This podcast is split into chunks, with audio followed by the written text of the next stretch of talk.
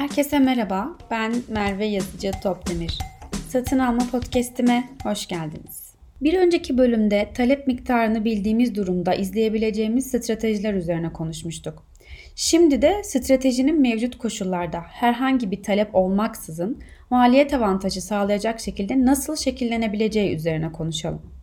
Öncelikle belirtmekte fayda var. Stratejik satın alma faaliyetleri sadece fiyat avantajı sağlamak için bir takım yöntemler uygulamak değil. Kalite ve sürdürülebilirlik üzerine odaklanarak yapılan stratejik satın almalarımız da elbette var. Onları da ilerleyen haftalarda konuşacağız. Evet gelelim bu haftanın konusuna. Yani seri işlerde maliyet avantajı sağlayacak stratejik satın alma uygulamalarına. Yine ben birkaç örnekle en yaygın yöntemlerden bahsedeceğim. Ama satın alma stratejileri her koşula ve şarta bağlı olarak değişen, esnek ve yaratıcı uygulamalarla tamamen sizin kıvrak zekanıza bağlıdır. Şirket karlılığı ve etik değerler çerçevesinde tedarikçinizle anlaşabileceğiniz her yol mübahtır bence.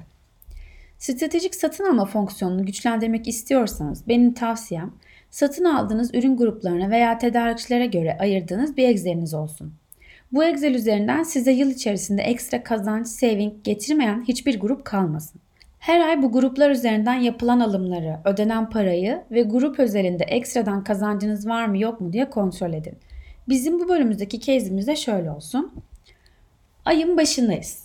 Acil işlerimizi hallettik. Kahvemizi elimize aldık. Keyfimiz yerinde. Zihnimiz açık. Tedarikçi bazlı hazırladığımız strateji Excel'imizi açtık. Mümkünse aylık alımları gösteren bir rapor çekip yanına yapıştırdık. Excel'imizin birinci satırında kırmızı kağıt tedarikçimiz var. Alımlarımız okey, ödediğimiz para okey, ödediğimiz paraya karşılık bize getirisi yani savingimiz okey, geçebiliriz. İkinci satırda Aygül plastik var. Her şeyi kontrol ettik, getirisi okey, her şey tamam. Üçüncü sıraya geçtik, yorulmaz metal. Bakıyoruz alımlar güzel, düzenli, sorunsuz. Ödenen para oldukça yüksek. Ham malzeme fiyatları, fiyat artışları falan yapılmış. Problem yok. Saving sütununa bir bakıyoruz. Bomboş. Boş olamaz. Mutlaka bizim yorulmaz metalle çalışıyor olmaktan elde ettiğimiz bir saving olmalı. Kazanç olmalı. Hemen bir çalışma dosyası açıyoruz. Şu an ne gelirse gelsin en acil işimiz bu. Yorulmaz metalden hiç savingimiz yok. Daha acil ne olabilir ki? Yorulmaz metalden aldığımız tüm malzemeleri kalem kalem listeliyoruz. Görüyoruz ki ağırlıklı olarak boyalı ve birkaç metalin yapıştırılmasıyla oluşan büyük metal malzemeler var bu listede. En yüksek parayı da yine bu malzemeleri ödüyoruz. Hem de bu maliyetin içinde boya gibi ek bir işlem var. Gözlerimiz parlıyor hemen. Tamam buradan ekmek yenir belli. Buradan gideceğiz. Önce miktar çarpı fiyat yaptığımızda en çok para ödediğimiz malzemeleri listeliyoruz, işaretliyoruz. En çok ödemeyi hangi malzemeyi yapıyorsak en çok kazancı da o malzemeden elde edeceğimiz bir fırsat var. Bu aklımızın bir köşesinde. Bu işaretlemeleri yaptığımızda yine aynı noktaya varıyoruz. Boyalı ve birkaç metalin yapıştırılmasıyla oluşan büyük metal malzemeler var. Malzemenin fiyat kırılımlarını ayırıyoruz. Bu kırılımlar satın aldığımız her malzeme için bizde olmalı ki her zaman doğru strateji kuralım, doğru fiyat pazarlıkları yapabilelim. Şimdi kırılımlarını ayırdık. Bir boya, iki metalleri birbirine yapıştıran yapıştırıcı, üç metal ham madde, dört genel giderler ve işçilik gibi bir kırılım çıktı karşımıza. Şimdi bakalım neler yapabiliriz. Yakın dönemde bir fiyat artışı talep etmiş. Bu artışın sebebi metal borsasındaki dalgalanma. Çeşitli borsa veya tekellere bağlı ham maddeler için pek bir şey yapamazsınız. Bu sebeple kırılımlarımızdaki metal ham malzeme maliyetini ürün maliyeti fiyatından bir çıkaralım. Bunu biraz inceleyelim. Son birkaç ayda metal borsasında artış olmuş ama azalış da olmuş. Yorulmaz metal sağ olsun sadece artış olduğunda bize gelip zarar ediyorum fiyatımı arttırın demiş. Ama azalmalarda al kardeşim bu bana biraz fazla geldi deyip metal borsası düştü sana bu parayı fazlasını iade edeyim dememiş haliyle hiçbir tedarikte demez. Biz bunun her ay kontrolünü yapıp paramızın peşine düşmemiz, düşmemiz lazım. Zamanda düşememişti o zaman bunu tersine çevirmemizin vakti gelmiş artık. Mesela şöyle yapabiliriz. 5 TL olan malzeme fiyatımızın 2 TL'si metal ham maddeden geliyor. Bunu ayıralım. Borsaya bağlı olan 2 TL'yi otomatik olarak her ay kontrol edip arttırıp azaltacağımız bir parametreye dönüştürelim. Bunu da borsanın bağlı olduğu değişiklik olarak raporlayalım ki performansımız düşmesin. Bundan kurtulduk.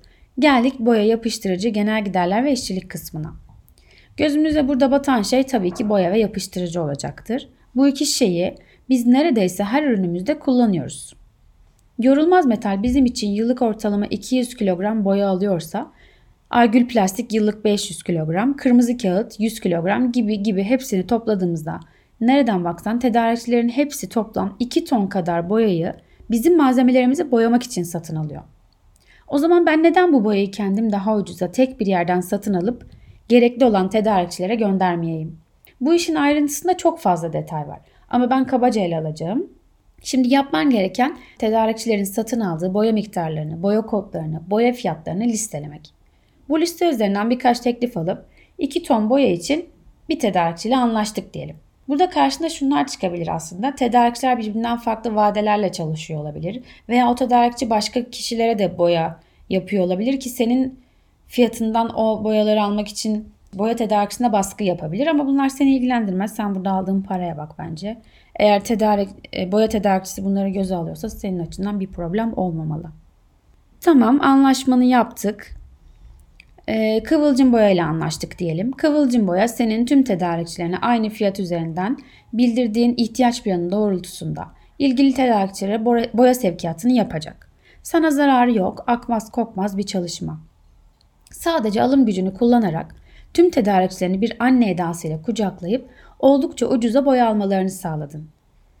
Yani ortak satın alma yaptın. Yorulmaz plastiğin getirisi olsun diye uğraşırken satın alınan boya maliyetini düşürdüğün için Aygül, Aygül Plastik ve Kırmızı Kağıt tedarikçilerinden de ekstra kazanç sağlamış oldun. Bu kazanç nasıl oldu şimdi deme. Boyayı senin pazarlık yapıp düşürdüğün fiyattan alacaklar.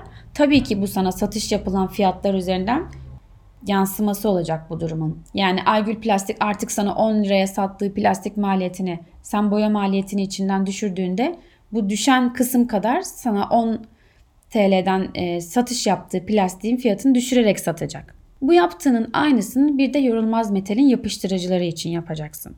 Tüm tedarikçilerinin yapıştırıcı miktarlarını toplayıp ortak bir satın alma stratejiyle maliyetleri düşürecek ve her bir yapıştırıcı kullanan tedarikçiden ekstra para kazanmış olacaksın. Yeme de yanında yat. Bir kahve keyfi yaparken ne çok tasarruf sağlamış olduk değil mi? Daha ne olsun. Podcast'imizin bu bölümünde strateji Excel'ini ve devamında mevcut fiyat kırılımları üzerinden nasıl kazanç elde edebileceğini konuştuk. Metal borsası ile emtiaları, boya ve yapıştırıcı talep birleştirmeleri ile ortak satın almayı case üzerinden inceledik. Bunlar sihirli kelimeler, unutma bunları. Strateji Excel'i, ortak satın alma ve emtialar. O halde bir sonraki podcast'te görüşmek üzere. Hoşçakalın, kendinize iyi bakın.